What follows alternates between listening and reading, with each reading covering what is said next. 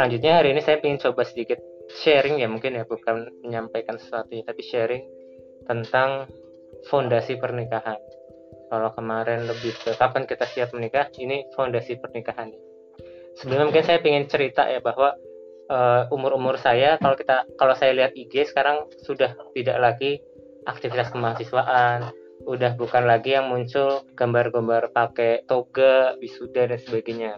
Tapi umur-umur saya mungkin karena algoritma Instagram, Facebook dan sebagainya yang muncul adalah ya kehidupan keluarga itu.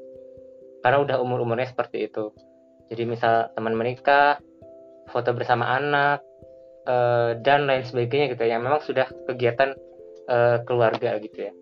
Nah yang menarik ternyata pada saat saya lihat keberjalanannya, ada juga satu dua teman saya yang ternyata pun kalau boleh saya bilang adalah ada divorce gitu ya divorce ternyata ada juga yang seperti itu gitu kan. Ternyata uh, teman satu angkatan gitu ya sempat aktif juga di satu organisasi yang sama aktif. Terus waktu saya lihat divorce gitu ya.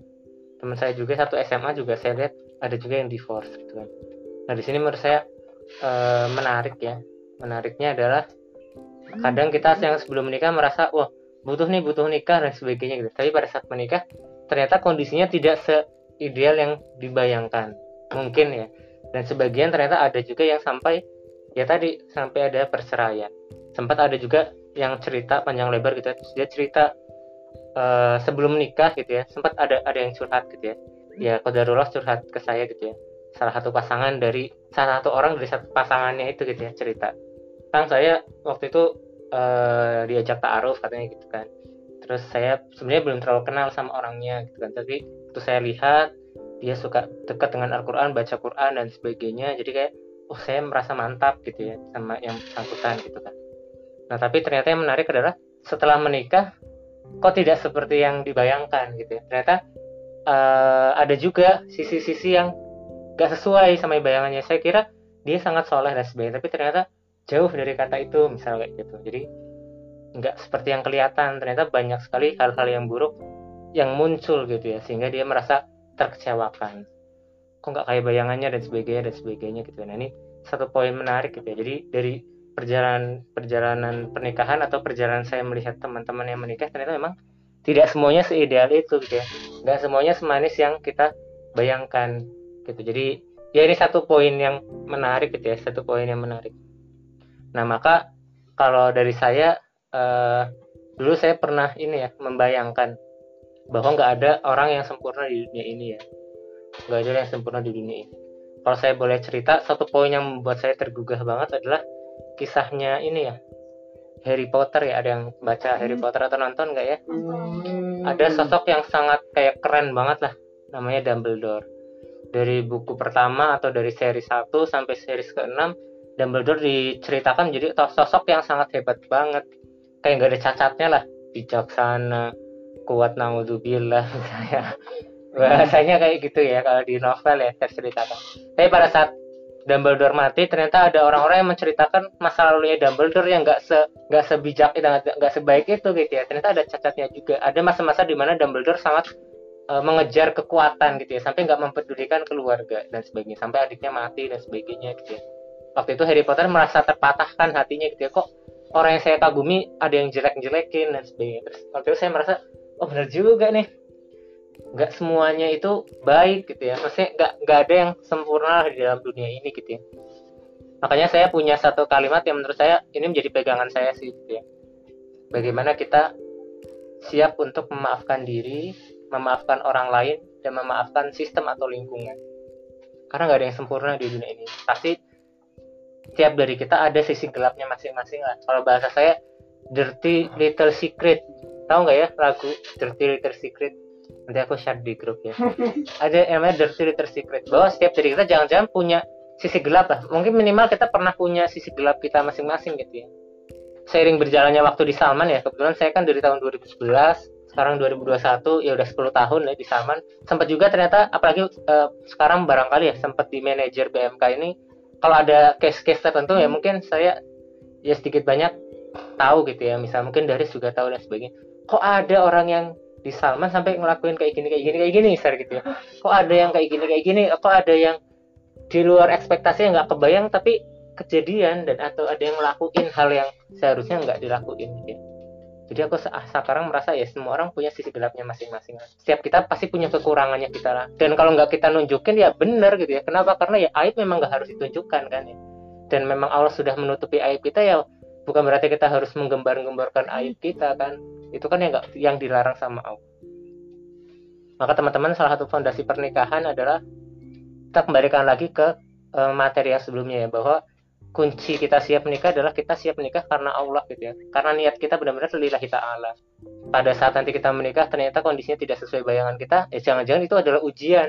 Dari niatnya kita kamu bener nggak ini niat nikahnya karena Allah? gitu ya. Diuji jangan-jangan dengan kondisi pernikahan yang tidak seideal itu misal dari kondisi pasangan kita yang awalnya kita membayangkan seperti apa ternyata kurang sesuai mungkin. Ada yang ada yang kurang sesuainya dan sebagainya gitu ya.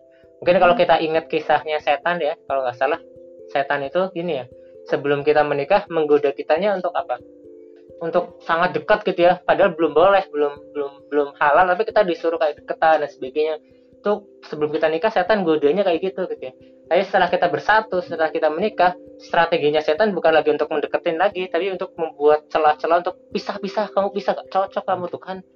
Dia kok aneh banget ya oh, jangan-jangan jangan-jangan kayak gitu kan. Dibisikin sama setan. Untuk apa? Untuk memisahkan kita gitu. Untuk memisahkan gitu.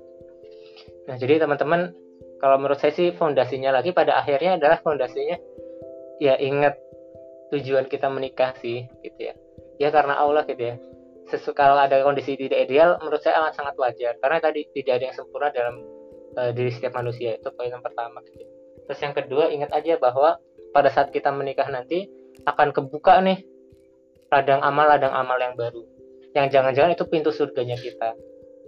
Kalau saya sangat ngebayangin ladang amal tuh banyak banget kebuka sama perempuan juga. Ya pada saat e, perempuan tuh menikah. Kenapa? Karena pernikahan itu ya akhirnya berubah drastis ya kondisinya bagaimana salah satu amal besarnya bahkan mungkin ya melayani suami mengurus e, rumah tangga gitu ya dan sebagainya. Yang mungkin awal kadang bukan awal udin ya. Mungkin awalnya ada seorang perempuan yang amat sibuk luar biasa aktivis banget gitu ya.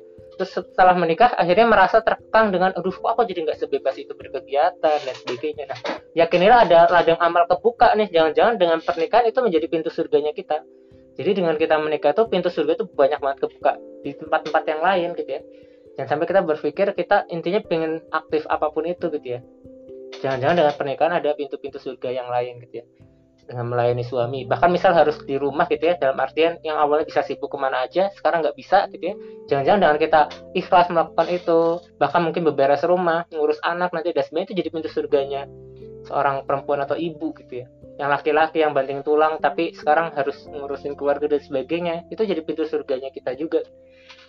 Jadi pada saat in case kita menghadapi suatu pernikahan yang menurut kita tidak ideal ya mungkin itu ujian buat kita. Ya kita jalani dengan semaksimal mungkin. Bahkan mungkin parah-parahnya pasangan kita uh, berbuat zolim ke kita. Misalnya kayak ya mungkin uh, terlalu keras atau apa dan sebagainya. Atau kok kayak males-malesan dan sebagainya. Jangan-jangan itu ujian untuk kita untuk ya mengingatkan untuk kita sabar dan sebagainya. Jangan-jangan itu ya pintu surganya kita sih gitu.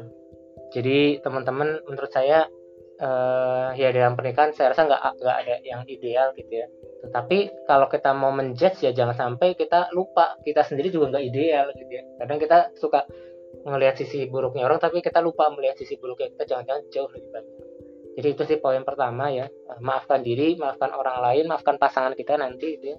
Dan maafkan uh, kondisi gitu ya yang mungkin kurang ideal yang kedua kalau kita menghadapi suatu kondisi yang uh, tidak enak dan sebagainya kembalikan lagi ke niat kita gitu ya. Bahwa kita niat nikah ya karena Allah gitu ya. Inilah banyak pintu-pintu pahala pintu-pintu surga yang muncul gitu ya. Jangan sampai kita merasa aduh jadi terkekang jadi nggak bisa aktif di mana-mana jadi drop dan sebagainya gitu ya terus memaksa pasangan untuk ayo tuh boleh doang aku boleh dong pergi ke mana-mana gitu ya. Nah ingat bahwa jangan-jangan pahalanya sudah banyak yang kebuka pintu-pintu yang lain tapi kita malah lupa akan hal itu. Jadi pintu surga yakin banyak yang kebuka dari uh, pernikahan itu sih gitu. Nah itu mungkin sedikit banyak ya tentang penerimaan tentang kembalikan lagi ke niat dan juga tentang bahwa pintu surga itu banyak kebuka dengan cara kita menikah oleh karena itu kalau kalimat terakhir dari Mas Agung adalah segera lulus segera menikah. Nah buat yang sudah lulus maka ya udah berarti saatnya menikah. Ya buat teman-teman yang udah lulus berarti saatnya menikah. Gitu sih. Ya itu sih mungkin kurang lebih tambahannya tentang munakahan apakah ada tanya jawab? Kenapa juga nanya apa mumpung di ada dia gitu.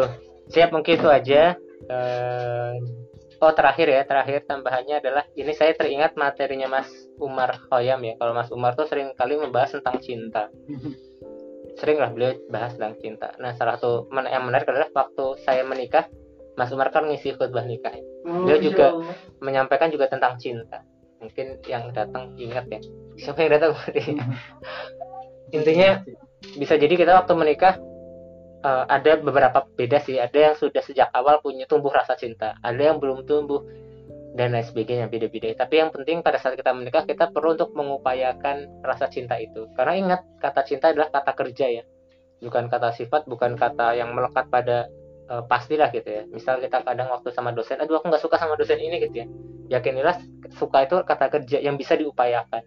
Diupayakannya ke apa? Kepada sesuatu yang benar kalau kita sudah menikah dengan pasangan kita kalau kita mencintai itu pasti sesuatu yang benar misalnya. Kita harus bisa mengupayakan ke arah sana.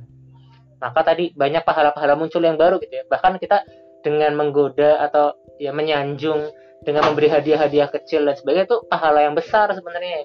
Saling menumbuhkan rasa cinta itu gitu kan. Jadi ya nanti pada saat tadi misalnya saya cerita barangkali kondisi tidak ideal dan sebagainya kita juga bisa nih mengupayakan rasa cinta itu tumbuh dan diupayakan terus.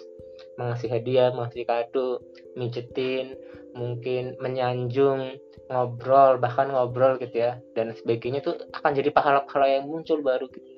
Jadi kita harus bisa eh, mengupayakan itu. Gitu sih. Jadi selamat menikah teman-teman semuanya pada akhirnya akan segera eh, menikah lah. kan pahalanya bakal banyak banget muncul. Ya mungkin itu aja. Terima kasih banyak. Eh, Atur nuhun. Assalamualaikum warahmatullahi wabarakatuh.